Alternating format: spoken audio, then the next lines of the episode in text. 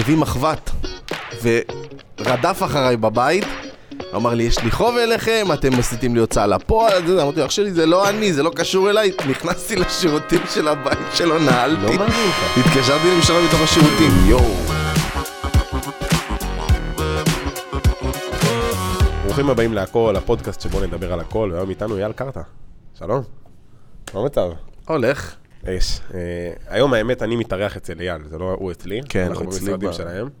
אה, אז אייל, יזם, מנטור למסחר והשקעות וכל העולמות האלה, הבעלים של CTFX, אבא ובעל, לסיכום. זה כן. הגרנד פינאלה. אז ברוך- כן. ברוך הנמצא, אני ברוך. הבא. תודה רבה, הרבה זמן... זה הפודקאסט הראשון שלי, דרך אגב. הראשון אי פעם? אי פעם, בחיים וואלה. שלי לא עשיתי פודקאסטים. אני כאילו, אני גורם לכולם לאבד את בתולי הפודקאסט שלהם, זה הקטע שלי, כאילו, כל אחד שמתארח אצלי, זה הדבר הראשון שהוא אומר. כן, זה משהו שהרבה זמן ככה ב vision שלי רציתי לעשות איזשהו פודקאסט, ובכלל, לעשות, אה, לדבר, לדבר בחופשיות, בלי שזה יהיה כזה... כן, מתוסרט, מבוים, דברים. כאלה, כן, כן, שיהיה... שאנשים ייהנו. פרי סטייל. אני חושב שגם ככה הדרך הכי טובה להביע כאילו את ה- את עצמך בצורה הכי אותנטית שיש, ברגע שזה פשוט שיחה, כי אתה באיזשהו שלב אתה פשוט נכנס לכמו... זה כמו... לופ. זה לופ כזה, זה לופ, ואתה פשוט נכנס ל... אתה יורה. כן. אתה לא באמת אה, מדבר, זה פשוט יוצא לך מה שיוצא, ואתה גם נשאב לתוך השיחה בצורה מטורפת, אני. חולה על זה. אני חולה על זה גם. אז איזה כיף לארח אותך, קודם כל. תודה אה, רבה. בוא תספר קצת את הסיפור שלך, בוא נלך כזה, נתחיל, אה, נתחיל ישר מהסיפור, זה ככה אני אוהב לפתוח פודקאסטים, לתת לבן אדם את ה... זורק אותך, אתה יודע. כן, אמרת- המים העמוקים. זרקת, אמרת לי, זרקת לי כזה גיל 14, כן, אז אה, אני התחלתי את היזמויות שלי בגיל 14-15. אוקיי. מהדברים, אתה יודע, שהרבה אנשים היו עושים ב... אתה יודע, בילדות שלהם, זה מהדברים הקטנים, אתה יודע, הייתי מוכר אה, שט- שטויות, כן? הייתי מוכר נפצים בפורים, הייתי הולך... אה, ילד חיזבאללה. כן, הייתי מוכר סוכות בסוכות, הייתי מוכר את ארבעת המינים ב... אה, וואו, לפי מגניב. חגים, ובגיל 15 זו הפעם הראשונה שנגיד ביום העצמאות הלכתי לתל אביב, וקניתי סטיק לייטים, וקניתי כל מיני, אתה יודע, ספרי, אה, ספרי שלג, ו... ו- תפוחים עם סוכר. באוכל פחות הייתי נוגע. פחות זה היה לי שש. כבר אז הבנתי שזה מקום לא להתעסק איתו. להתעסק איתו. אה, ואתה יודע, משנה לשנה זה התרחב. מגיל 16, אז כבר במקום להיות אה, ככה סוג של... ב- ב- ב- נדבר ספציפית על ימי עצמאות, במקום ללכת ל- לאיזה... ברחוב למכור, אז הלכתי לעיריית כפר סבא, אמרתי, אני רוצה להקים אה, דוכן מסודר כמו שצריך. ובגיל 17 זה כבר היה שלוש דוכנים, בכפר סבא, ברעננה ופתח תקווה, ובגיל 18 זה... בקיצור, בגיל 18 זה בערך נראה לי אז 18 19 זה היה כבר הזמן שאמרתי די. דוכנים שהבאת הכוונה עובדים. כן, כן, הבאתי עובדים, ואתה יודע, אפילו התחלתי לחשוב על דברים אה, אה, פיננסיים כבר אז, שנגיד אה, הבאתי להם פאוץ' כזה עם כסף, שיפרטו את הכסף, ואמרתי להם, כל פעם שאתם מקבלים 200 שקל, תשימו את זה בכיס ולא בפאוץ'. שלא יגנבו לכם או משהו כזה. לא, לאו דווקא שלא יגנבו, ש... כי יש הרבה ישראלים שמה הם עושים? הם באים, אומרים לך, הביא לך שטר של 50, אומרים לך, הבאתי לך 200. משקרים. כאילו. משקרים. וואלה. ואז אני, הבן אדם שקיבל את הכסף, הוא יודע שאם הוא קיבל שטר של 200, הוא שם אותו בכיס ולא בפאוץ'. ואז הוא בא, פותח את הפאוץ' ואומר לו, אוקיי, אין פה שטר של 200. זה למדת על בשרך? כן. כן? רואים. אז, אה, אז דברים מאוד מאוד קטנים. מאיפה אגב, מאיפה באה התשוקה ב... או לא התשוקה, מאיפה זה מגיע, כאילו, הדרייב הזה, היזמות הזאת, הרוח היזמית, כאילו, זה משהו שאין אותו לכל אחד. נכון, באיזשהו מקום אה, אפשר לראות את זה גם בהיסטוריה של המון המון אנשים שמצליחים בחיים שלהם, שזה מגיע בגיל קטן, זה, זה כי זה מגיע ממקום של חוסר. מזה שאין לך דברים בבית, שאתה גדל בתור ילד קטן, ואתה רוצה שיהיה לך אותם, אבל אין, אין, מבחינה כלכלית אין את היכולת לעשות את זה. אה, ואתה כל פעם, כל פעם מנסה לחשוב איך אתה כן דואג, אפילו עוזר בבית, אה, כדי להביא עוד איזשהו כסף, או, או דברים כאלו, ואז אתה מתחיל לחשוב יותר בגדול, פחות מעניין אותך הלימודים, מעניין אותך יותר איך אתה מקדם את עצמך בחיים. ואני בגיל 15, משהו כזה, אה, כבר הייתי עובד במלא עבודות אה, שחורות, ועבודות אה, שהן לא שחורות, וכל מיני מקומות. עבודות אה. שחורות היום נשמע, נותן קונוטציה רעה. עבודות כן, שחורות, לא. כאילו, זה אוף די רקורד, בלי תלוש, כאילו, במזומן. עבודות שחורות, כאילו, הכוונה שזה עבודות כפיים, אתה יודע, הייתי אה, עובד, סבבה. והייתי מסגר באיזה מקום, הייתי עובד. בנגרות, הייתי עובד בכל מיני מקומות כאלה. וכל הזמן הייתה את השאיפה הזאת ש, ש, שיש משהו יותר טוב, יש אנשים שחיים, אתה יודע, אנחנו מרוויחים, מה שאנחנו מרוויחים בשנה, יש אנשים שמרוויחים בדקה. אוקיי.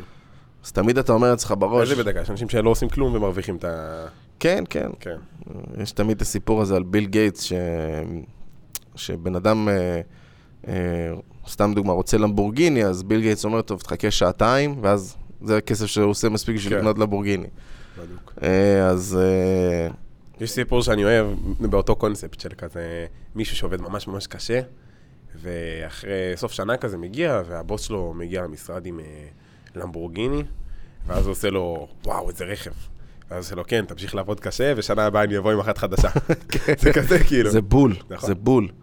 אני, זה אחת הסיבות ש, ש, ש, שחיפשתי תמיד את הדברים האלה, זה כי עבדתי בכל מיני עבודות, גם אם זה הייתי עובד בסלקום, והייתי עובד בכל מיני, הייתי עובד בהוט, בגיל 19-20, מכירות. במכירות, הייתי עובד בהוט, הייתי עובד ב door to door. אוקיי. door to door זה המכירות כאילו דפיקת... הכי אגרסיבי שתראה ever. וואו, זה היה לי פעם אחת בחיים שלי, שמישהו מטעם חברת סלולר הגיע לנו הביתה, אגרסיבי נורא. מאוד, אני אגיד לך, זה, זה שיטות... אין את זה היום, לא? היום בקושי עושים. את זה, בדרך כלל, אם רואים את זה היום, זה נטו בגלל, נגיד, עושים תשתית חדשה באיזשהו רחוב, אז כאילו באים לאותם אה, אנשים בבתים שלהם, אומרים להם, עשינו תשתית פה עכשיו, אז אם אתם רוצים.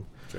אבל זה מכירות מאוד אגרסיביות, שמביאות אותך למקרי קיצון מטורפים, כן, אתה בבתים של אנשים גם, זה בתים כאילו של אנשים, והיה לי פולשני. פעם אחת שמשטרה רדפה, כאילו, הזמנתי משטרה מתוך הבית של הלקוח. יואו, היה לקוח שהיה לו חוב לאות, אוקיי. ו... אה, שלחו אותך כגובה.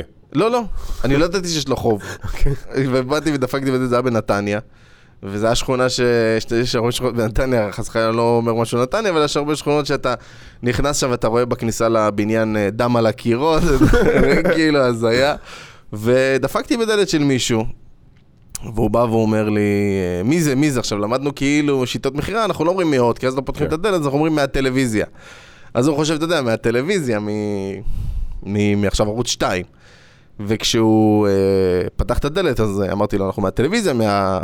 מהמכירות של הוט, יש לנו עכשיו וזה זה, ואז הוא אומר לי, בוא, בוא, בוא, ולא ידעתי למה הוא. כן, למה הוא כזה חברתי? כן, מאוד.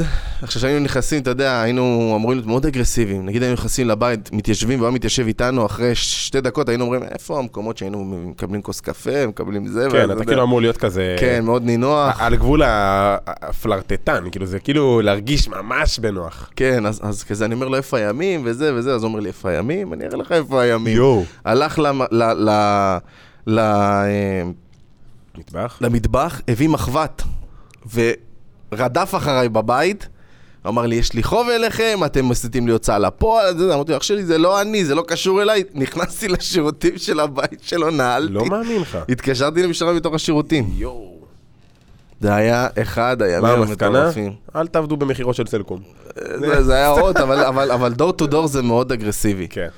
אה, זה היה מטורף. ו, ו, אבל מה, ש, מה שאני בא להגיד זה שמהתפיסה הזאת שאני עשיתי המון המון כסף לאנשים אחרים, לחברות, לסלקום, ל- ל- ל- להוט, אה, אתה מוכר להם במיליונים, ואז הם, סוף חודש אתה רואה את המשכורת, אתה אומר כאילו, איך, כן. איך, זה לא הגיוני. אני סיפרתי פעם אחת שהייתי עובד ב- לפני העסק, אז הייתי בכרמיאל. אני לא אכנס לזה עכשיו עמוק, כי כבר סיפרתי את זה בפודקאסט, אבל שורה תחתונה הייתי עובד באיזשהו מפעל, והבוס שם היה פשוט שליט בורגני. הבן אדם, יש לו מפעל, ובתוך המפעל הוא בנה קומה שנייה, הקומה הראשונה היא כאילו מבנה סגור, והקומה השנייה זה, זה כאילו פנורמה חלון. עכשיו, בלמטה המשרדים של ההנהלה שלו, אנחנו במפעל עובדים, והוא פנורמה חלון, אחי, שולחן, כיסא, מקרר של וויסקי. זהו, יושב, מסתכל עלינו כל היום. הבעלים, כאילו, אתה יודע, כבר לא, הוא כבר לא המנהלים. חולה שליטה. חולה שליטה ברמה, ואז אתה יודע, אני כאילו, אתה עובד שם 12 שעות ביום במפעל, ואתה פשוט מסתכל, ואני קורא אבא עשירה באני תוך כדי, ואתה כזה, איפה החיים שלי? מה קורה פה? ככה כאילו, זה היה, אני אקרא לזה. זה הטריגר שעשה לי את ה- אין מצב שאני אהיה שכיר, כאילו, אין מצב שאני הולך ועובד כל החיים שלי בשביל הפרארי של מישהו אחר, והוא גם כל איזה חצי שנה מחליף רכב. משהו סוטה, כאילו. אז בקיצור הייתי עובד בהוט ובסלקום, והייתי עובד אה, איזושהי תקופה מסוימת. אה, לקחתי אפילו אה, מסעדה בכפר סבא. ניהלת כאילו? אה, לא, לא, ממש. אה, קניתי חלק ממנה, אוקיי. והתחלתי לנסות אה, להרים את המקום הזה, זה היה מקום די כושל. עם אח שלי, אה, באיזשהו שלב הצלחנו להרים את זה בצורה נחמדה, אבל אז הבנתי שאני ומסעדנות זה, זה סיוט. אוקיי. אה, ומאז אני לא מתקרב בכלל למסעדנות. ואחרי זה אה, הייתי תקופה בחנות סלולר של... אה, שגם אותה הייתי חלק ממנה. וגם שם, בסופו של יום הבנתי אם אני רוצה משהו שיתפוצץ, אני צריך משהו שהוא סקלבילי, משהו שהוא עולמי, משהו שאני לא צריך להיות אה, תלוי בלקוח סופי, בלקוח קצה. וכחלק מהעבודה שלי בסלקום, בא אליי מישהו אה, אה, שהיה כל פעם שובר טלפונים. אוקיי. שובר טלפונים? שובר טלפונים מה זה סדרתי. אומר? פשוט מפרק פיזית אותו. שובר את הטלפון? שובר את הטלפון, כן. מנפץ כאילו? כן. קם בבוקר, שובר טלפון. ממש. אוקיי. אה, ואז, אתה יודע, אני עובד בסלקום כאילו, אני יכול להחליף, יש לי מחירי עובד. לא, אני הייתי עובד בסלקום. הוא זה שהיה לקוח שכל אה, פעם בא עם טלפון ששובר כל פעם. הבנתי. ואז אה, אני בן אדם שהוא, אני בכללי מאוד אוהב להסתלבט ודברים כאלה, ואז יום אחד הוא בא אחרי שהוא שבר שתי טלפונים, ואז אמרתי... ביום אחד? לא, לא, אה. שבוע, שבועיים. אה, סבבה. לגיטימי. כן. כן, גם פעם בשבוע שובר את הטלפון. ואז הוא בא אליי, ואז הוא אומר לי, טוב, אני צריך טלפון כזה וכזה, ואז אני אומר לו, אתה יודע, בקופסה בפנים יש מתן. אתה לא אתה לא צריך לשבור. והוא- אומר לי, הוא גם כזה צחק וזה, אומר לי, לא, לא, אני לפעמים מעצבים וזה, אמרתי לו, בסדר, בוא, אמרתי לו, צריך לבדוק מה קורה בבית, כאילו, וזה, אז הוא אומר לי, לא, אני מתעסק באיזשהו תחום וזה. אמרתי, דבר, מה אתה מתעסק? ואז הוא אומר לי, מתעסק במסחר. אמרתי לו, מה, איזה מסחר? מעניין אותי לשמוע. אמר לי, מסחר במטח. אוקיי. אז אמרתי לו, אוקיי, נשמע מעניין, מה, אולי תספר קצת וזה, אז הוא אמר לי, תשמע, יש ימים שאתה עושה אלף דולר, אלפיים דולר, עשרים אלף דולר, חמשת אלפים דולר, זה משתנה, אמרתי לו, בסדר, אבל לא רק מרוויחים, גם מפסידים, אז הוא אומר לי, בגלל זה הטלפונים נשברים, אבל זה, זה עדיין ביחס שהוא סביר. אמרתי לו, תלמד אותי. כאילו, קח אותי פרויקט, תעשה איתי, אני בן אדם שאני כל הזמן חושב על הדברים האלה, איך לייצר הכנסה. היית חושב אז בזמנו על השקעות ודברים כאלה? כאילו זה היה במעגלי. מודעות שלך? אה, כן, הייתי תמיד, אתה יודע, קראתי את כל הספרים, ראיתי את כל הסרטים, על כמה שנים אחורה אנחנו מדברים רגע, שאני אבין?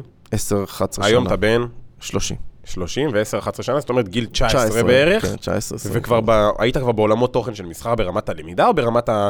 זה משהו ששמעתי עליו בספרים כזה, מעניין. שמעתי על זה, קראתי על זה, בדקתי על זה, אה, אבל לא, לא לא, נכנסת לזה, לא. נכנסתי לזה, כי קח אותנו 11 שנה אחורה, זה לא כן, כמו זה היום. לא גוגל ו... אה, זה גם לא ברמת הלימוד של הדבר הזה, הכל היה מאוד בחיתולים של הכל. כן. היום כל אחד, אתה יודע, יש מיליון קורסים, מיליון זה, בדיוק. אלף מקומות ללמוד. היום כל אחד מחכה את ה... אני, אני קורא לזה, כל אחד מחכה את המנטור שלו. זה גם משהו שהיא תכונה מאוד ישראלית. כן. בארצות הברית תלך, אתה תעבוד אצל מישהו, לא כישראלי, כאילו אמריקאי עובד אצל אמריקאי, הוא יכול לעבוד אצלו 40 שנה, הוא ייהנה, מבסוט, הכל טוב. כן. פה בארץ, מישהו עובד אצלך, אחרי שבוע הוא פותח עסק דומה לשלך. נכון? אה, וזה גם למה אנחנו מאוד מצליחים בעולם, כי אנחנו כל הזמן חושבים על פתרונות. יותר, כן. אנחנו גזע כזה של הישרדות, נכון. אז אנחנו כל הזמן מביאים את ה- את הפתרונות לעולם. אה, בקיצור, אז הוא אמר לי, אה, תקשיב, כמוך, היו לי עוד הרבה שבאו ואמרו לי, תלמד אותי, תראה לי, תסביר לי, אחרי שבוע, שבועיים, היו אומרים לי, לא בשבילי, ביי להתראות, אין לי סבלנות להתעסק בזה יותר. אמרתי לו, אל תתעסק, תן לי, לא יודע, משהו, אני אתחיל לעבוד על זה. כאילו להוכיח את עצמי. כן, אז הוא אמר לי, טוב, אני אחשוב על זה. חזר אחרי יומיים עם שני דיסקים. דיסקים? דיסקים, כן. עיגול כזה? כן. נו, נו. דיסקים כאלה, אתה יודע, של... שהיינו זורקים אותם עם כן, ה... זהו, זה שוריקן. כן, כאילו, אני מסתכל שוריקן. על שוריקן, כאילו, אני בראש עולה לי, אני צוחק את זה על אח שלי. נכון, אז, אז הדיסקים האלה של פעם, והם עד היום הם מוסגרים לי בבית. אוקיי. אה, על אחד היה רשום תיאורטי ועל אחד היה רשום טכני. ואז הוא אומר לי, תתחיל בתיאורטי ותעבור לטכני. כל מה שאתה לא מבין, תקרא בגוגל, תקרא בלא משנה מה, תבין את זה, כי אתה לא יכול להתקדם הלאה מבלי להבין מה ש... גוגל זה היה כאילו משהו שהוא... זה, זה היה עוד סבבה. כן, היה כבר גוגל, היה כן, דברים. היה- אני לא יודע, אני כאילו, המוח שלי כאילו התחיל- התחיל אחרי הצבא. כל מה שלפני אני כזה, אה, היה קצת יוטיוב, היה קצת דברים, אבל לא יודע, עכשיו 11 שנה אחורה, לא זוכר איפה הטכנולוגיה הייתה. 11 שנה אחורה, תחשוב שהיינו בתקופות, אה, אני לא אשכח את זה, אתה יודע, לפעמים הפייסבוק נותן לך... זה 2010, כאילו, מה מה היה מבחינת... אה, טוב, זה היה היה כבר, היה... היה, היה, היה כבר- כבר את האייפון, היה... כן, היה כבר... זה עדיין היה בחיתולים של הכל, אבל הטכנולוגיה כן. התחילה להתפתח אז ממש, כן. אה, מ, אתה יודע, מטכנולוגיה של תעשיות לטכנולוגיה יותר פרטנית לבן אדם בבית. כבר- כבר לא סוני אריקסון, עברנו כן. כבר אה, אייפונים, סמארטפונים, עניינים. לא SK סליידר. לא יודע מה זה, אבל אני איתך, אני... זה SK סליידר? אה, אנחנו דור אחרי. יואו, תקשיב, זה תקופות שאני, אני כל פעם נזכר בהן, ואני אומר איזה תקופות יפות, כן. יפות היו לנו. מעביר מחברים בבלוטוס mp3 לעצמך. וואו, אתה מבין? זה זה כאילו- זה מה שיש לי בראש. הבלוטוס השחור הזה. אני בטיולים שנתיים שהייתי בתיכון או בבית ספר, זה היה דיסקמן. יואו. והדיסק לא... אני חושב שהיה לי כזה אחד בכל החיים. אתה היית תקופה של מגאסון? אני לא יודע מה זה מגאסון. יואו. אוקיי, נו, אז בקיצור, היית ב... הוא הביא לך את הדיסקים? הביא לי את הדיסקים, הלכתי. לבית, הכנסתי את הדיסקים למחשב, התחלתי לקרוא, התחלתי להבין בתיאוריה מה זה, אה, מה זה מטח, איך העולם הזה עובד, מי מנהל אותו. מטח מטבע חוץ. מטח זה מטבע חוץ, כן? בשפה המקצועית פורקס. יש הרבה אנשים שחושבים שזה הדבר הזה שעושים ביוון או בקפריסין. כן. אני, אני כבר, אה, אנחנו, למי שלא יודע, אני, מה זה למי שלא יודע, לא אמרתי את זה בהתחלה, אנחנו גם עובדים עם אייל, אייל, זאת אומרת, הוא הבעלים של CTFX, שהם לקוחות שלנו, ואנחנו כבר, למה, אני, דבר ראשון שבאתי לפה, אני אומר לו כזה, מה פורקס? כאילו, אני כזה, אה, זה לא עליך, זה היה לנתנאל, אני כאילו, דבר ראשון נרתעתי, כי למה? כי אני זוכר שאנשים שאני מכיר, כאילו, עבדו, דיברו על פורקס, ודיברו על זה שזה כאילו... אה, סכם, ודברים שהם כאילו יותר שיידיים, ואתה יודע, נוכלויות עכשיו למכור לכל מיני, אה, אה, או מיליונרים מהאמירויות, או זקנים מארצות הברית, לקחת כן. להם את הכסף ולדפוק להם סכם, ובסוף זה נהיה, עכשיו אני מבין שזה פשוט נהיה סלנג או ביטוי נכון. לאיזושהי שיטה של הונאה, אבל בפועל פורקס זה foreign exchange, שזה נכון. מטח, נכון? מטבע חוץ. בדיוק מה שאמרת, זה כן. foreign exchange שזה מטח, וכל אחד מאיתנו, לא משנה איפה בעולם, עשה פעם פורקס. כן. בעצם זה שהלכתם כאילו, קנה לצ'יינג' הקרוב. בדיוק, כן. הלכתם לצ'יינג' או הלכתם לשדה תעופה, כן. והחלפתם כסף, זו פעולה שנקראת אה, המרה של מטבע, כן. וזה חלק מפורקס. אה, אז זה טוב שבאמת העלית את הנקודה הזאת, שזה... זה בסופו של יום משתמשים בשם הזה בצורה לא נכונה. כן. אה, אז פורקס, למדתי את כל התחום הזה של תיאוריה, של איך עובד הבנקים, איך הם מתנהלים. אגב, מה היה בדיסקים? מצגת, סרטונים? היה מצגת. מצגת? מצגת לקריאה, קריאה. קריאה, אה, אז. יש לקרוא את זה, 112 עמודים. אם היום אתה מביא לי לקרוא ממצגת, ללמוד ככה, אני כנראה פשוט כאילו... הופך את זה לשוריקן. אני כאילו לא, אין, אין שום, אין אופציה שאני צורך תוכן בצורה כזאת היום, אני כאילו, זה, זה לא, לא תואם לשנים של היום. נכון. היום כאילו אתה, גם וידאו היום, אני יכול לשים על 1 כפול, 20, כאילו 1.25 כדי שזה יהיה יותר מהיר, זה מרגיש לי כבר שהכל, הדברים צריכים להיות הרבה יותר מהירים. תדע לך שזה חלק מזה, זה גם בישראל, זה, זה, זה התרבות פה גם לעשות הכל מהר. כן. אני גם הפכתי להיות, אה, אני, אני, כמו שאתה אומר, אני שם על כפול 1.5 כפול 2 כן, בוואטסאפ, אוטומט. וואטסאפ ברור, וואטסאפ בכלל. אני כאילו, כשאני רואה מישהו שולח לי הודעה של שתי דקות, אני אומר לו, איך הוא לא מתבייש? כאילו, זה, ה... אין לך בושה. אין לך בושה. אני עושה את זה כל הזמן. שתי דקות, אתה לא נורמלי. אני, עושה יותר מזה גם, אני נורא. אני יכול, נגיד, אם אני סתם דוגמה עכשיו, אני ב... אם יש לי מוזה למשהו, ובא לי עכשיו לדבר על זה, אני מוצא את הפיל, אני מוצא מישהו ואני נופל עליו, והוא מקבל פתאום, אתה יודע. נורא ואיום.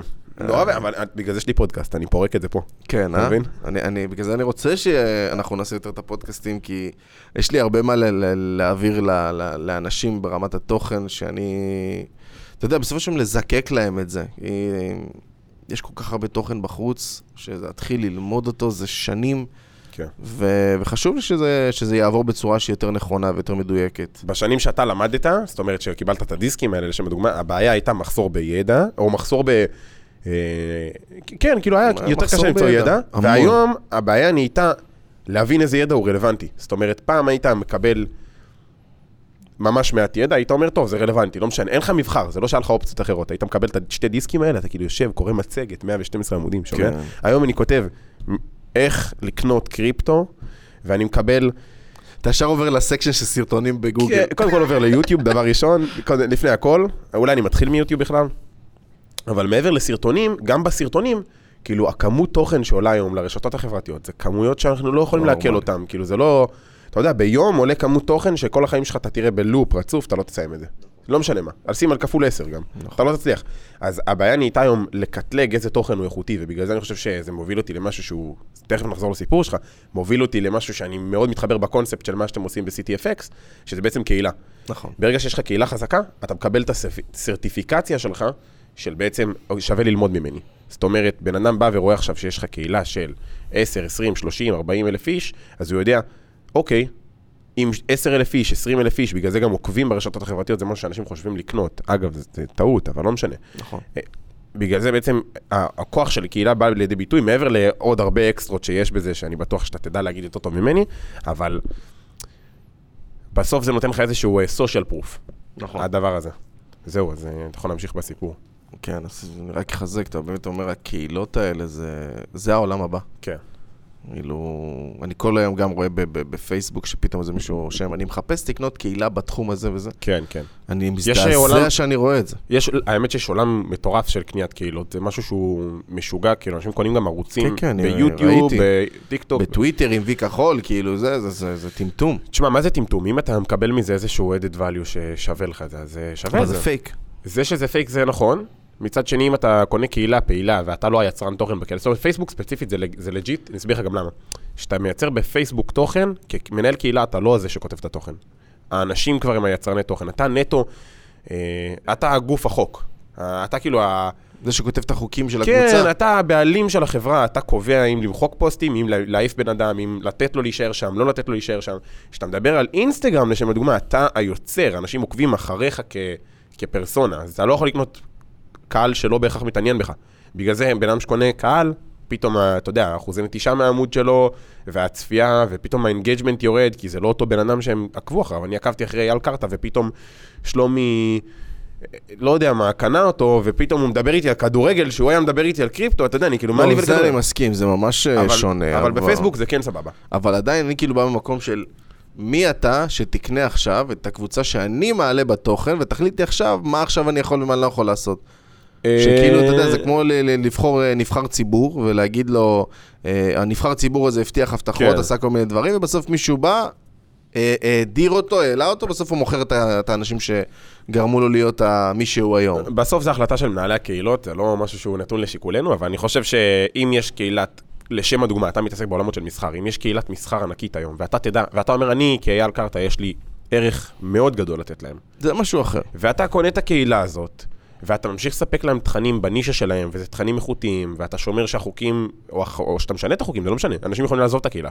אבל ברגע שאתה קונה אותה וקיבלת איזושהי פלטפורמה, אתה קונה קהל, זה לקנות קהל, אבל זה קהל רלוונטי. אז כן. כן. אז זה לא רע. ספציפית בפייסבוק, אני לא מסכים, לשם דוגמה, אם אתה קונה עכשיו user באינסטגרם, משנה לו את השם עכשיו, משנה לו את הפרופיל, פתאום, אחי, יש לך 50 אלף איש שלא ידעו מי אתה, ופתאום אתה זה- מופיע להם, זה מוזר. הם יצאו אוטומטית. כנראה שיש לך אחוזי נטישה מאוד גבוהים. אני מדבר ספציפית, נראה לי על הזה של, אה, ראיתי בפייסבוק מישהו שפרסם באותו פוסט שהוא מחפש לקנות שלושה קבוצות שונות. בנישות אחרות. כן, זה כאילו מרגיש לי כבר מסחר כן, באנשים. זה מסחר, אה, זה מסחר בקהל, זה ממש מסחר בקהל. אני חושב ש...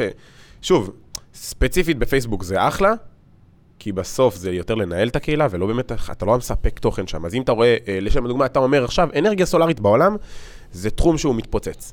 ואתה אומר, אוקיי, אני לא מבין באנרגיה סולארית, אבל אני יודע שהקהילה הזאת עוד עשר שנים תהיה שווה פי עשרים יותר כסף. ואתה אומר, אני שם עכשיו 5,000 שקל, עוד עשר שנים, העולם של... אה, אנרגיה ס- סולארית. כן, אנרגיה סולארית יתפוצץ, יהיה לי קהילה של 200 אלף איש, זה יהיה שווה ארגזים של כסף. כן. זה אתה מדבר מסחר. על זה כאל מש- השקעתי. כן, זה השקעה. אז אה, שוב, אין פה נכון ולא נכון, ספציפית בפייסבוק, אני לא מדבר איתך על מקומות אחרים, ברגע שאתה פרסונה או ברנד או לא יודע מה, ואתה קונה, זה כן בעיה. פייסבוק ספציפית זה באמת קהילה. זה באמת כאילו, התשתית שם היא קהילתית, המנהלים שם הם יכולים להיות כאילו גם שיתופיים, הרבה פעמים יש מנהל קבוצה והוא מוסיף איתו עוד עשרה מנהלים גם, זה משהו שהוא יותר לג'יט שם, זה סבבה. כן, הבנתי. טוב, נחזור נחזור לסיפור שלך. אה, אלינו קצת, כן. אה, בקיצור, אז אז באמת אותו בן אדם שהראה לי את ה- את ההתחלה בתחום, אה,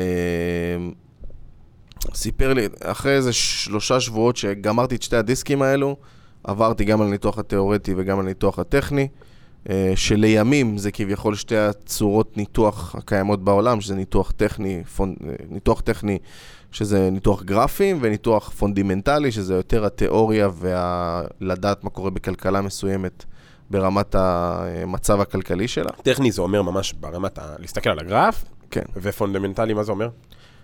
טכני זה, אה, פונדמנטלי זה אומר, יש הרי הרבה הודעות שיוצאות על כל... זה יותר אקטואליה, כאילו. כן, לא, לא בדיוק אקטואליה, לא הודעות של אה, זה עשה ככה, זה עשה ככה. אוקיי. אלא יוצאים הודעות כל חודש, אותן הודעות, באותם תאריכים של לדוגמה המדד, אה, סליחה, יוצא לדוגמה המדד ה...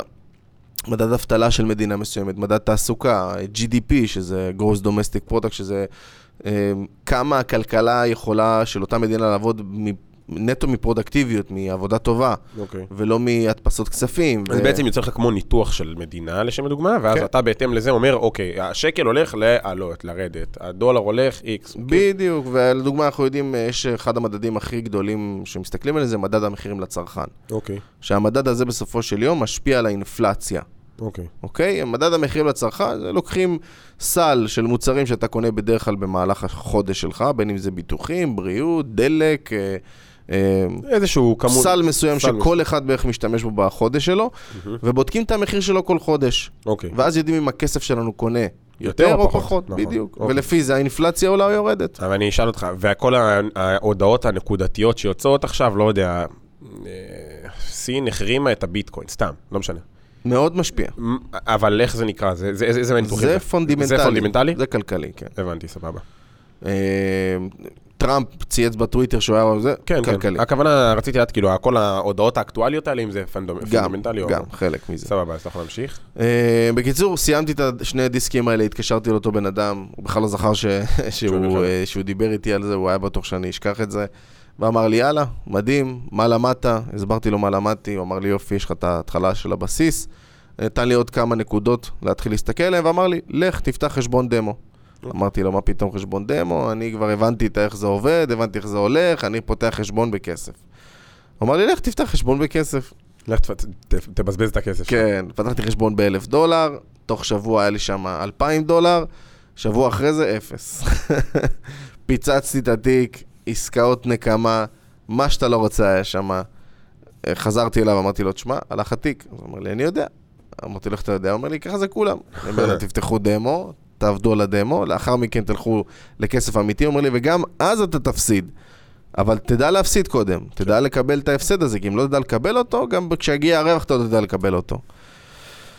ומשם התחיל מסע מאוד מאוד מאוד סזיפי וקשה של uh, שנתיים של מלחמות של החיים שלי. אני עוצר אותך שנייה. הרעיון של ללכת לדמו, הוא כאילו מרגיש לי קצת כמו... זה בשביל ללמוד את הפלטפורמה, בשביל ללמוד, לחו- בשביל מה, מה המטרה של זה? המטרה של הדמו בסופו של יום היא שתוציא המון עסקאות, תחווה כמה שיותר את השוק. השוק הוא אמיתי, הכסף הוא לא. אוקיי. ולאט לאט תבנה לעצמך איזשהו סיסטם מכל הפרמטרים שאתה מתחיל לראות בשוק. כאילו, במקום, נקרא לזה, לבזבז את הכסף שלך, הוא רוצה שאתה תלך כן. שהשכר לימוד שלך לא יעלה לך באמת כסף. הבנתי, סבבה. אה, אבל עדיין אנשים שמים כסף אמיתי ולא לומדים מהטעות הזאת, ואני כל פעם אומר גם לתלמידים שמתחילים וזה, שימו כסף רגע בדמו. כי הם כאילו, אתה יודע, הפומו הזה של... כן, אנחנו חיים בעולם של פומו באופן כללי, אבל. נכון, אבל הפומו הזה של הייתי מרוויח עכשיו עשרת אלפים דולר ועכשיו זה לא אמיתי, נכון. אז אני תמיד מסביר להם, בוא, זה לא שעכשיו היית שם באמת 100 אלף דולר. עכשיו, היית במקסימום שם אלף דולר, כן, והיית עושה 100 דולר. 100 דולר. כן, אז זה לא, זה לא שם. אה, אבל בסדר, יש אנשים שאוהבים לי, ה- העניין הזה של ה... מה זה יש אנשים? זה בלתי נשלט באיזשהו מקום. נכון, זה כמו הימורים ברמת אה, מישהו הולך לקזינו, והוא כן, מרגיש שזה בזון, אתה יודע, יש... זה דופמין, זה בסוף כולנו חיים באיזשהו רף, סף גירוי כזה. נכון. אתה כל פעם הסף גירוי שלך כזה, אתה, אה, וואי, יכולתי לעשות אלף דולר, בום, מאה דולר, ואז אתה אומר לעצמך, זה מגרה אותך, ואז פתאום כזה, אה, בפועל לא עשיתי כלום. אז זה כאילו מרים אותך, ואז זה, אה, בול. כן. Uh, ויש אנשים שיושבים מאחורי הקלעים ועובדים מאוד קשה ל- ב- בכל הנושא הזה של התנהלות צרכנית ופסיכולוגיה צרכנית כדי לגרום לאנשים להפסיד כסף בצורה חוקית. מה זה אומר? זה אומר ש... סתם אתן לך דוגמה, יש לי חבר שאני מכיר, uh, שפיתח משחק, משחק uh, אוקיי. שיש הרבה אנשים שרואים אותו בטיקטוק היום וכאלו, שזה כמו חללית כזאת שעולה, וכשהיא עולה האחוזים עולים. אוקיי. ומה הם פיתחו במשחק? אתה שם 100 דולר, או 200 דולר, או 1,000 דולר, משנה כמה, כל פעם שהחללית עולה, אתה תרוויח כפול 1, כפול 2, כפול 3, כפול 4 על הכסף. אוקיי. מתי שתלחץ על Enter, אז החללית תעצור, ואם היה כפול 5, אז עשית כפול 5 על הכסף. אבל אם החללית נעצרת לבד ואתה לא יודע מתי היא תעצר, הפסדת את הכסף שלך. אז כולם פשוט חיים את הפומו. אז כולם. חיים את הפומו. ואז המשחק היה עושה ביום בין 50 ל-100 אלף דולר. יואו. אם, רגע, שנייה, אני אשאל אותך שאלה היפותטית. אם אני כל פעם עושה כזה, פי שתיים עוצר, פי שתיים עוצר, פי שתיים עוצר. אז יכול להיות שבאיזשהו שלב הפי 2 הוא ייעצר לבד. אז פעם אחת הפסדת פי שתיים. אז הנה, זו חשיבה יותר נכונה, לעבוד לפי סיסטם, לעבוד לפי שיטה. הבנתי מה אתה אומר. כשאתה בונה שיטה, זה עובד עכשיו אני רוצה. להוריד את האפליקציה. אני אוהב הימורים, אני יש לי נטייה, אני גם, אני הולך, איזה יום אחד הייתי באילת, אני הולך, יש שם את הקטע עם ה... אלה שעושים לך עם הכוסות, אתה מכיר את זה? כן. עם הכדור, גם בתל אביב פה ברוטשילד יש את זה. כן, כן. אז הלכתי במשפחה שלי, ואני פשוט כזה... אני פשוט רואה איזה... מהמר, יש לי יצר, עליך, יש לי יצר של מהמר. יש לי יצר הימורים. אני הולך עם ההורים שלי, והם רואים, כולם קלטו, כל המשפחה שלי, אני הולך איתם, הם קלטו את המבט שלי, ננעלתי על זה, אני מסתכל ואני כזה. מה, אני הולך להפסיד את הכסף? אז אני הולך לשם. ואז אתה יודע, הם גם, מה הם עושים? הם מביאים אנשים מבוימים מסביב, כן. שעושים לך הייפ. פסיכולוגיה. מביא, כן, הם מביאים לך שם איזה, אתה יודע, איזה אמריקאי ואיזה מישהי, ופתאום אתה, ומישהי שנראה טוב, וזה וזה, מביאים לך פתאום איזה חמש חבר'ה מבוימים, ומישהו שמתלהם, ואחד שצועק, ומתווכח, ואחד שמרוויח כסף, ואחד שמפסיד כסף. עושים לך ממש סצנה, ואז נהיה שם, אחי, איזה 50-60 איש מסביב לבן אדם שמשחק עם כוסות וכדורים. ואז אתה בא, אתה אומר, מה, אני לא, לא, לא, לא, לא, כאילו, לא אני ניפול מצליח, הסכם. אני מצליח. אני, אני, והוא עושה לך ככה, ואתה כאילו כל פעם מצליח, אתה יודע, עד שמישהו שם באמת כסף ומפסיד. ואז מה, לא ניפול הסכם? מיקוי בצ'ארלי וחצי. קיצור, לקחו אותי בידיים בסוף. איי, זה גדול, זה אתה יכול גדול. להמשיך עם הזה. אמ, בקיצור, אז יש את הנושא הזה של פסיכולוגיה צרכנית, ואותו משחק שמייצר בין 50 ל-100 אלף דולר, הם חשבו בנושא הזה של פסיכולוגיה צרכנית, והבינו שיש איזשהו מהלך שיכולים לעשות, שהמהלך הזה גרם לזה שהם ירוויחו בין חצי מיליון למיליון דולר ביום. אוקיי, מה הם עשו ש- ששינה את זה ככה? אז מה שהם עשו, הם אמרו, אוקיי, כשבן אדם מפסיד את הכסף שלו, הוא מתבאס והולך. כשהוא מרוויח את הכסף שלו, הוא נשאר. מה אני יכול... עכשיו, אם הוא מפסיד את הכסף שלו אחרי שהוא הרוויח קצת ועכשיו הוא הפסיד, אז הוא פשוט קם והולך. אבל מה יגרום לו להישאר ולשים עוד ועוד ועוד פעם? רווח, רווח, רווח, הפסד. לא. מה הם עשו? כש... כשעצרת את, ה... את הרווח, נגיד כפול 3, כפול אה, 4, הכל או כלום. לא, לא. נו. כשעצרת את הרווח בכפול 3 כפול 4, הם נותנים לך את הכסף ואז מראים לך מה היית יכול להרוויח, אם היית עוצר. אם לא היית לוחץ עכשיו. הם יכולים לעשות גם את הקונספט של, אה, כמו שעושים לך, נגיד, מונית הכסף. הרווחת, הרווחת, כן. הרווחת, הפסדת, דאבל or nothing כזה. אתה מבין? נכון. כזה קונספט, זה גם אה, יכול לעבוד. נכון, אבל תחשוב שעכשיו אתה הרווחת כפול 5 על הכסף. נגיד היה לך כזה, שמת 100 דולר, יכולת לקבל 500, הפסדת 100. נכון, לא. נגיד עכשיו, שמת 100 דולר, הרווחת 500. הם מראים לך את ההמשך של הסרטון, מה, לאן החללית הייתה מגיעה. הייתה מגיעה ל-140 כפול על אה, הכסף. מתי זה היה אמור לעצור? כן. ואז אתה אומר, בואנה, יכלתי להרוויח לא עכשיו הייתי מאמין לזה. 14 אלף דולר. לא הייתי מאמין לזה. עכשיו, יש כאלה שמראים לך גם שזה, לחצת על פי 5, ואז זה ממשיך עד פי 7, שש, כן, ששם שבע. זה צריך לייצר.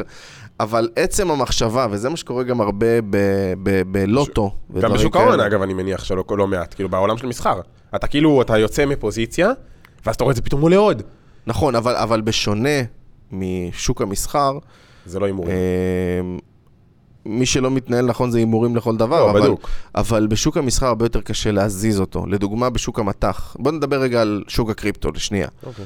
שוק הקריפטו שווה היום, מדברים על מאי, 1.2 טריליון דולר, אוקיי? אוקיי. זה אומר, אנחנו עוד שנייה ביוני, אבל כן, כבר... כן, עוד רגע ביוני, 1.2 טריליון דולר, וביטקוין לדוגמה שווה ב market cap שלו עם המינופים וזה, לא, לא ניכנס לזה עכשיו, אבל שווה בסביבות ה-400-500 מיליארד דולר. כאילו כמעט חצי. כן. ויש אשכרה אנשים, שניים, שלושה אנשים מעשירי העולם, שיש להם ביחד יותר כסף מה, מביטקוין. אפל שווה היום שני טריליון, כמעט שלושה טריליון דולר, היא שווה הרבה יותר משוק הקריפטו. כן. במהלך אחד שלה יכולה למחוק את השוק הזה, כחברה. כחברה. כן. ומה שאני בא להגיד, לדוגמה שוק המניות ששווה 100, 100, 150 טריליון דולר, הרבה יותר קשה להזיז אותו, ושוק של המטח בכלל 2.4 קוואדריליון דולר, סכום אסטרונומי שאתה לא יכול להזיז אותו, לעומת משחק כזה, ששם כן, שזה... מאוד קל... זה אה, צ'יפס. בדיוק. אבל מה זה קל? מי אין... אתה- זה לא משהו שהוא נסחר. זה לא נסחר, אבל לש- שאתה אומר כביכול, אה, אפשר לייצר פה איזשהו אה, מהלך של, אה, של לשנות את השוק או דברים כאלו, הרבה יותר קשה לשנות כן.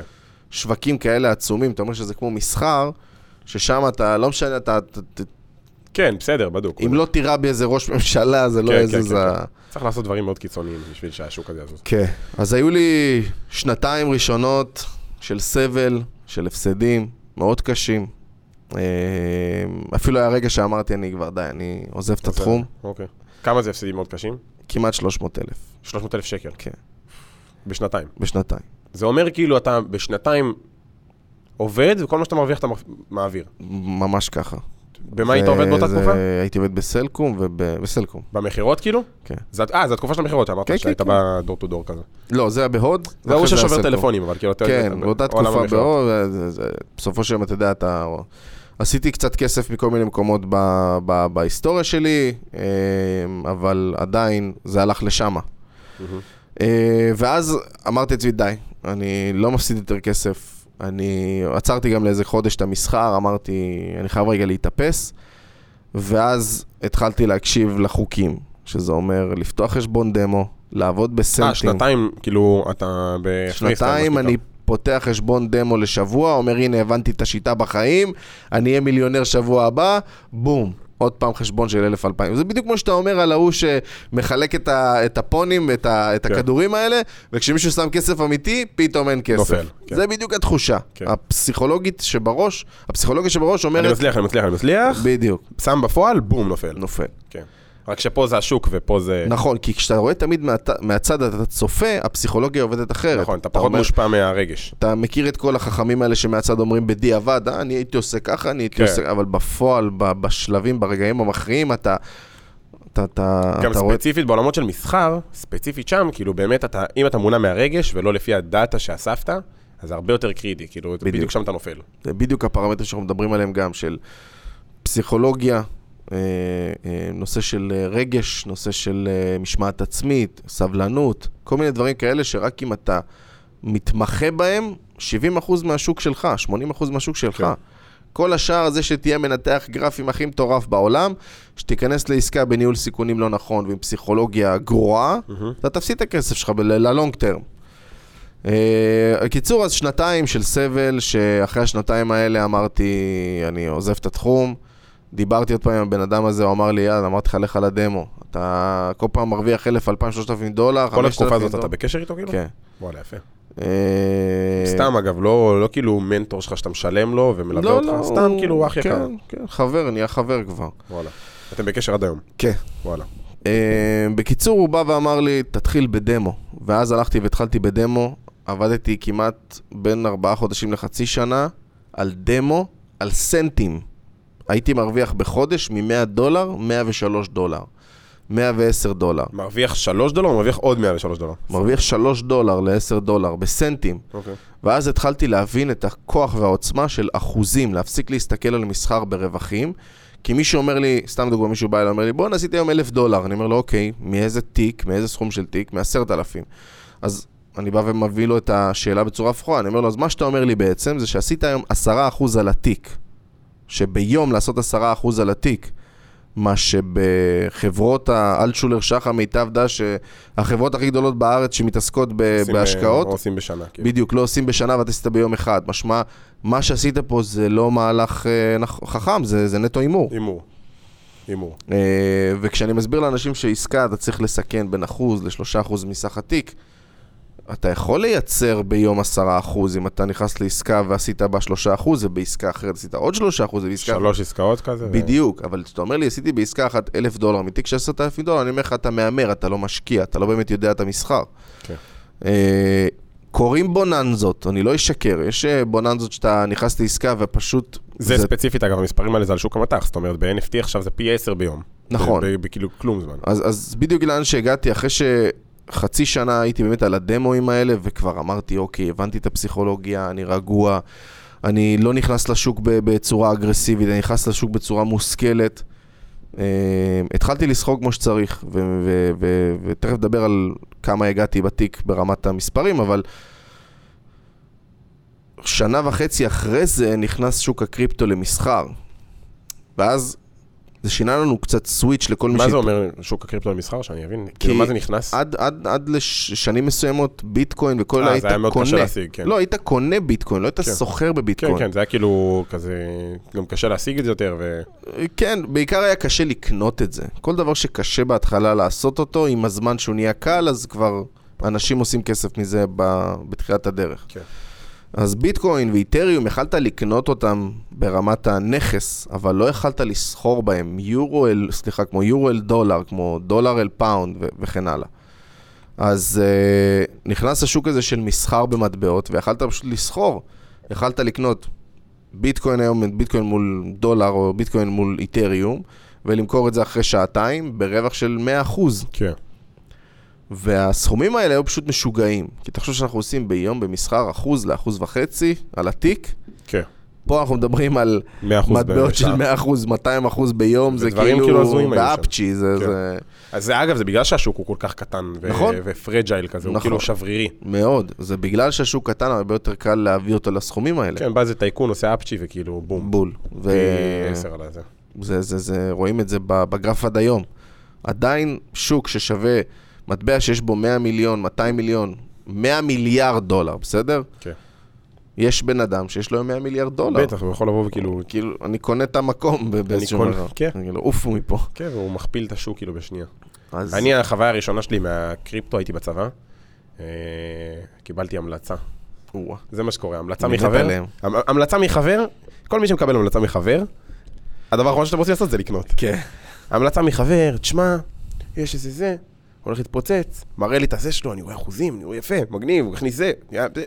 אחי, עשה פי, לא יודע מה, היה שם סכומים הזויים, כאילו, עשרות אלפי דולרים כחייל, ניקו לי כזה, כן. אחי, כל, כל הבנק שלי היה לי 8,000, 9,000 שקל, אחי, הוא בא לי, עושה, חרמן אותי על זה של החיים, אני כאילו, טוב, איך נכנסים? ואז אה, לא היה לי, לא, לא הבנתי איך, אפילו לא זוכר כל האפליקציה, זה היה איזה חשבון מסחר באיזה אפליקציה, היא יחסית מוכרת, אבל לא משנה, זה היה, דיברנו אז על ריפל. זה היה ריפל, אני נכנסתי ב-2.9, הוא הגיע בשיא ל-3.4 אם אני לא טועה, ואז קרס. ואז הוא התרסק, אחי. מה זה קרס? נכנסתי עם מלא כסף ביחס לחייל, אני אומר לך, בבנק היה לי 9, נכנסתי עם איזה 6,500 שקל.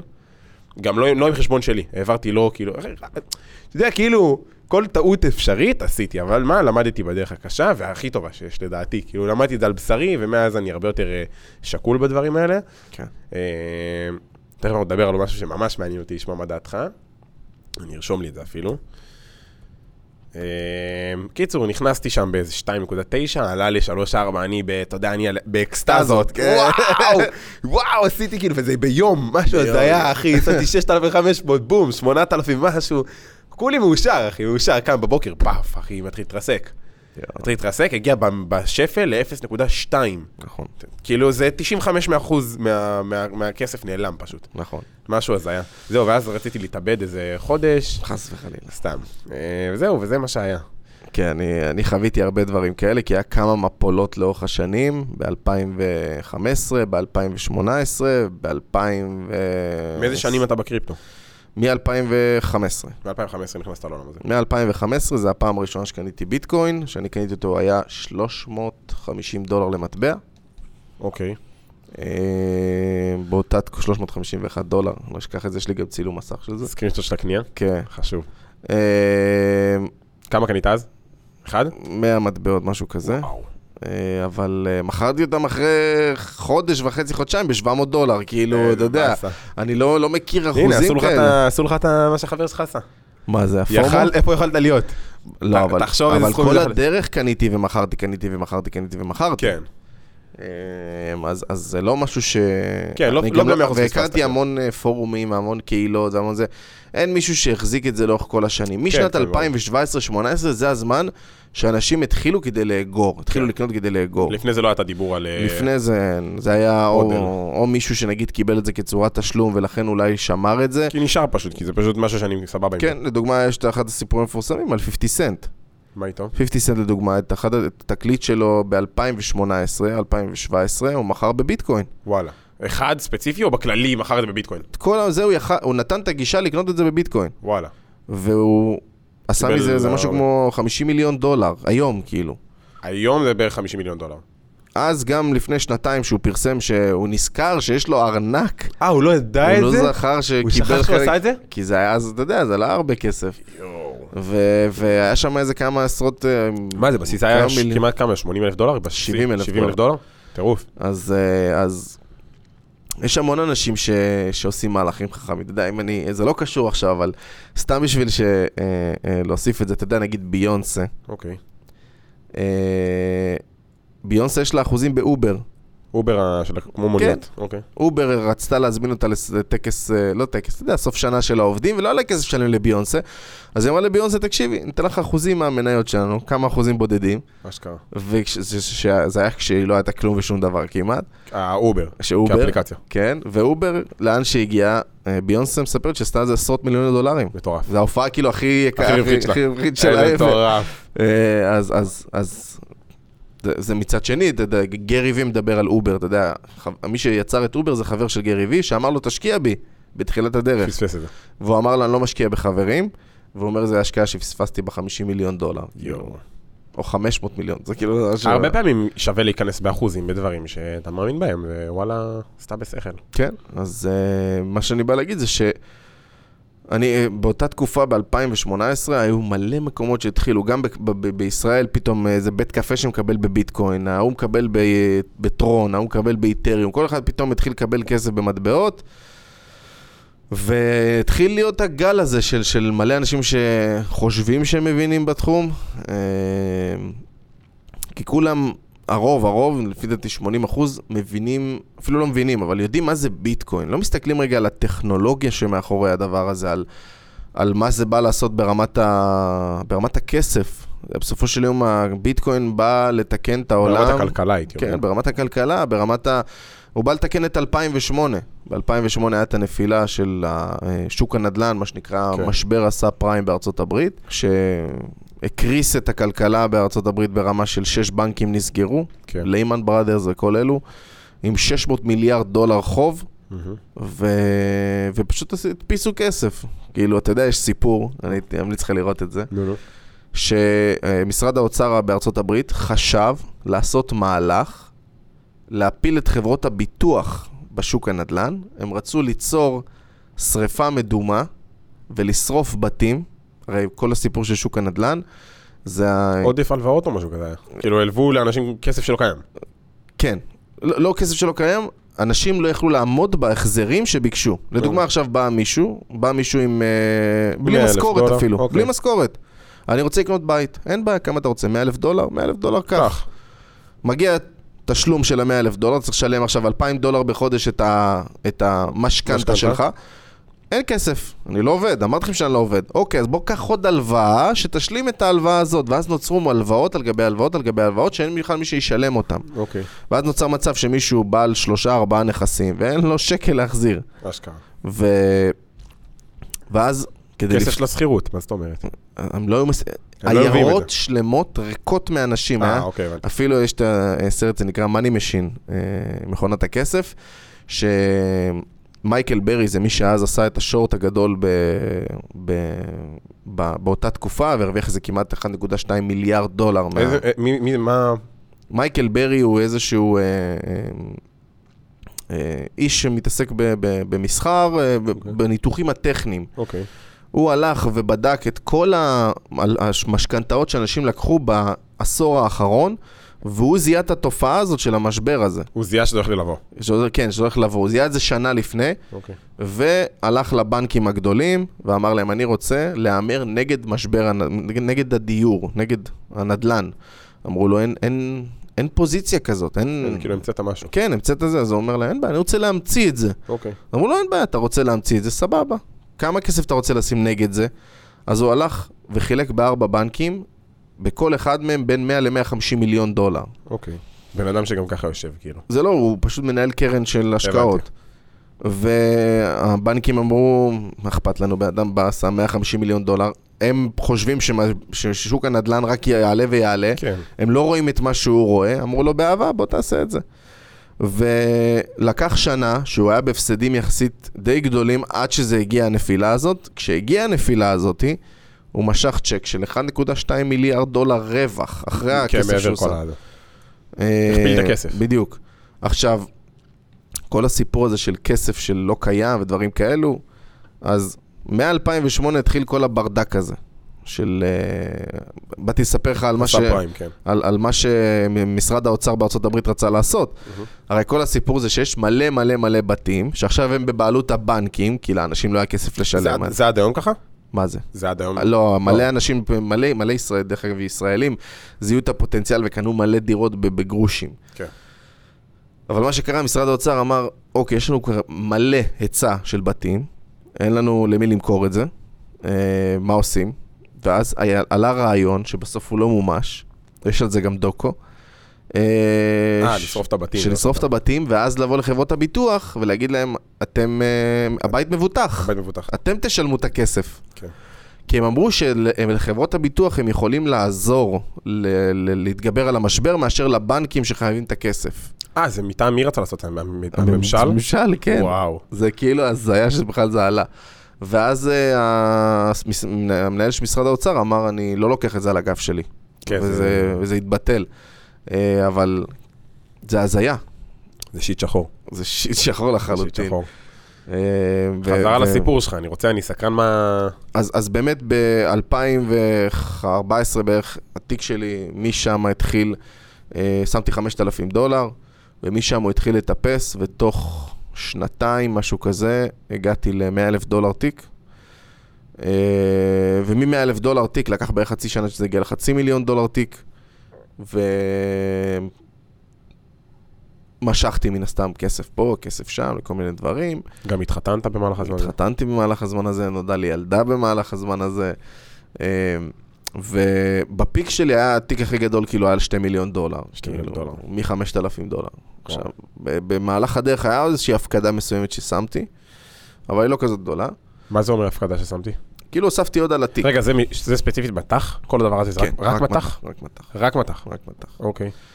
אה, ובקריפטו לאט לאט זה התחלתי... מטורף שכאילו אנשים לא מדברים על משרה במטח בשום צורה, כאילו אנשים לא, זה לא... אנשים מאוד מפחדים מהשוק הזה. לא יודע, מפחדים, זה גם אין לזה מודעות. אני כאילו חי את הרשתות, אני חי את העולמות האלה, עבדתי עם אנשים מהעולמות האלה, אני קורא, אני בעצמי משקיע קצת. לא שמעתי על מטח, נכון. עד שהגעתי לפה לא שמעתי על מסחר במטח. הייתי, אני ב- בילדות, אספר לך משהו מצחיק. בבר מצווה שלי קיבלתי קצת כסף מדודים שלי. אה, אמרתי לאמא שלי, אמא, אני רוצה לקנות דולרים. אני רוצה לקנות דולרים עוד כמה זמן, זה יעלה מ... שלוש, שלוש וחצי. לשלוש נקודה שתיים, ואז אני אמכור. לא, לא ידעתי בכלל מה זה מסחר. לא יודע אפילו מאיפה זה בא לי הרעיון הזה, קניתי כלום, איזה 200 דולר, זה הפך ל-250 דולר, הייתי כאילו. שמע, אני עליתי על השיטה. כמה פעמים זה בא לי, עליתי על השיטה. כן. אז זהו, אז קיצור, זה היה הנגיעה היחידה שלי עם מטח בחיים. אבל חוץ מזה, אני לא שומע על זה בחיים, כאילו, זה משהו ש... רק כשהגעתי לפה, פעם ראשונה שמעתי. אז כן, מסחר במטח הוא משהו שהרוב שומרים אותו לחדרי חדרים, בין אם זה חברות המסחר, בין אם זה אלטשולר וכאלו. הם שומרים את זה בעיקר לחדרי חדרים. אבל לא- זה שוק כל כך גדול, כאילו, מה מה זה שוק משפיע הכי עליהם? גדול, אז מה זה משפיע עליהם? למה הם שומרים את זה חדרי חדרים? כי הם לא רוצים שאנשים יהיו חלק מהדבר הזה. למה? כמה שיותר אנשים בשוק? זה יותר ווליום, לא? הווליום לא מגיע מ- מ- מאנשים פרטיים. בדיוק. ומה האנשים הקטנים משפיעים? 40% מגיע מהבנקים הפדרליים, שזה הפדרל רזרב וכל מיני... מה זה הפדרל רזרב? או, להיכנס לפדרל רזרב זה... מה זה בכלליות? לי- בכלליות, זה בנק שיושב בארצות הברית, שמדפיס כסף עבור ארצות הברית, אבל הוא לא בבעלות המדינה. מה זה אומר הוא לא בבעלות המדינה? מי- מישהו מדפיס, מישהו פרטי מדפיס כסף למדינה? חבר'ה, משפחה, משפחת רוטשילד, הם... הבע- רוטשילד שלנו, של ישראל? כן, זה נשמע של ישראל, אבל הם לא בדיוק שלנו. מה זה אומר? אה, משפחת רוטשילד היא... רוטשילד כמו פה בתל אביב. כן, כן, אוקיי, רוטשילד. שאתה מכיר. יש כמה משפחות ששולטות בעולם, אה, כמובן שזה משהו שצריך להתחיל לנבור, ל, ל, ל, לדבר איתכם 100-150 שנה אחורה בשביל להבין בכלל לאיפה זה, לאיפה זה מגיע, אבל משפחת, יש כמה משפחות ששולטות בעולם, שזה משפחת אה, רוטשילד, רוקפלר וכאלו. אוקיי. אה, בשנת 1913 אה, הוקם הפדרל רזרב בצורה שהיא די לא חוקית. אה, מה זה אומר לא חוקית? זה אומר כי זה. נשמע לא חוקי כל כך. זה, היו המון, אה, היו המון אנשים שהתנגדו, להמון, המון בנקאים והמון אנשים בעלי הון שהתנגדו ל... להקמה של הדבר הזה, של הרעיון הזה. מן הסתם, זה בן אדם ברור. פרטי שמדפיס כסף. איך זה ברור, נשמע ברור. למישהו legit? אז, אז הם בדיוק, מקבלים אבל, זה באיזשהו פיקוח כאילו? אה, זה כמובן, זה ב, ב, הממשלה, הם כביכול אומרים לממשלה בעקבות המצב ה-XYZ, אנחנו צריכים להדפיס X כסף. אבל הממשלה מחליטה? או שהם מחליטים? הממשלה תחליט כמה היא צריכה, והם יאשרו או לא יאשרו לה. מה זה לא יאשרו? זה הזיה. הם בסופו של יום מדפיסים כסף בהתאם למה שהמדינה צריכה. הביטקוין להשלים- בעצם באיזשהו מקום הולך להעיף את הדבר הזה? נכון, כי ביטקוין אי אפשר להדפיס. ביטקוין יש מראש איקס מטבעות, כן, decentralized. כן. אמ, אז בקיצור, ב-1913 אושרה הקריאה על הדבר הזה, אחרי שהיו, בוא נגיד מתוך, סתם אני זורק מספר, כי אני לא יודע בדיוק כמה מספר של אנשים שהיו בתוך הוועדה הזאת, מתוך 30 אנשים שהיו בוועדה, אה, הרוב התנגד, לאט לאט, אני מדבר איתך על כמה שנים לפני 1913, אה, כמו אנשים כמו ג'יי פי מורגן, אה, אנשים שמכירים אותם היום כבנקים, אז אז אותם אנשים באמת אה, התנגדו למהלך הזה. ואני אספר עכשיו משהו שזה, עוד פעם, יישמע קונספירציה קצת. כן, זה ספקולטיבי. אבל זה, אבל זה, זה באמת מה שקרה. אוקיי. אה, בערך מתוך ה-30 אנשים האלו, בערך 15 או 16 אנשים... נעלמו. לא נעלמו, אה, נו. כולם היו על הטיטניק. כולם היו לטיטניק? כולם היו על הטיטניק. צירוף מקרים. צירוף מקרים, כן. אוקיי. J.P. Morgan היה על הטיטניק, ומי לא היה על הטיטניק וביטל את ההגעה שלו בדקה 90? רוטשילד. כל החבר'ה של רוטשילד ו... בקיצור, אז אה, תשמע, יש מצב שכל הטיטניק זה בעצם חלק מה... אתה יודע שיש יש איזה צמד אחים בטיקטוק, שהם עושים כל הזמן אה, היי תחקירים ידעת כאלה? כזה, ומספרים על זה שזה יצא לעולם לא, לא מזמן, שאחד העובדים שעבדו בטיטניק אומרים שהטיטניק לא טבע באמת. זאת אומרת, יש סין, ספי, אה, סירה, לא סירה, איך אומרים? ספינה. ספינה. יש ספינה אחרת, שהיא הטיטניק, אוקיי? שהוציאו סיר, ספינה אחרת במקום הטיטניק. אני אגיד לך מה הבעיה עם כל הסיפורים האלה, זה כאילו, אני חולה על זה, אני נהנה לשמוע את זה, זה כאילו, זה, זה, זה יכול לתת לי את ה drive כן, להתעורר גם בבוקר. אבל מצד שני זה ספקולטיבי, כאילו אי אפשר לאמת את זה בשום צורה. כי זה 100 שנה אחורה, לך תאמת את זה. גם זה 100 שנה אחורה, וגם אם וזה אמיתי, אז המשפחות האלה כל כך חזקות שהם ישתיקו את זה, ואין כאילו באמת, אה, היום קשה להם. כי יש רשתות חברתיות. בדיוק. היום, אתה יודע, אני תמיד לוקח את זה להקבלה, ל- לקח אותנו 15-20 שנה אחורה, שאני לדוגמה שמעתי שיוצא טרזן ב- ב- ב- בארצות הברית, רק אחרי שנה זה הגיע לארץ. כן, היום זה כאילו, לפני שזה לפני שזה בדיוק. יוצא זה כבר מודלף. בדיק, לפני שזה כבר מודלף, וגם ביום שזה יוצא בארצות הברית זה גם היום שזה יוצא אצלנו. לא, זה ברור, זה הם לא אז- יכולים היום לעצור את זה. בדיוק, אז היום הדברים והידע הוא כל כך נרחב ב, ב, ב, ברשת, אתה יודע, זה כמו שתשאל היום את ההורים שלך משהו מסוים, זה כי הסבא אמר, כי ההוא אמר, אבל כן. קונקרטי זה בכלל לא נכון מה שהם חושבים, כמו שסיפרת להם מקודם על הסיפור הזה עם הדבורה. כאילו, שזה כן. אני- מלא אמונות סבתא. פשוט יש לנו, הקטע עם הדבורה, שאלתי, שאלתי למאזינים. שאלתי, מכירים את זה כאילו שאמרו לנו בילדות, שכשדבורה עוקצת אותך, אז היא מתה אחרי זה. ואז אני בא ואני אומר, לא, זה לא אמיתי.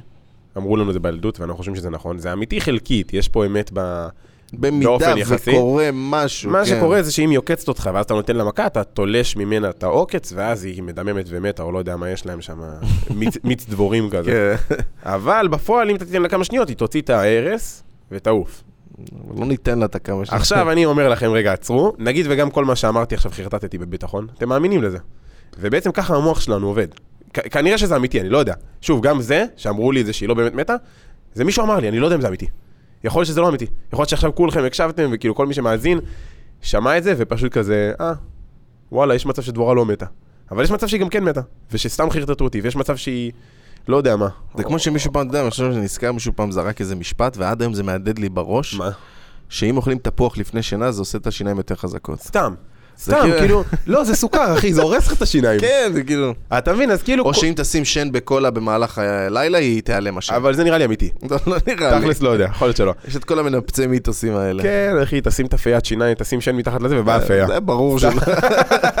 לא אני צוחק, אבל באמת עכשיו, אז בעצם יש לנו גם המון דברים כאלה שפשוט אמרו לנו, לשם הדוגמה, בעולמות של אה, כסף, וכל מי שלומד על כסף וכלכלה והתפתחות אישית ועסקים ויזמות, שמע את כל הדברים האלה של אה, עם כסף מגיע דאגות.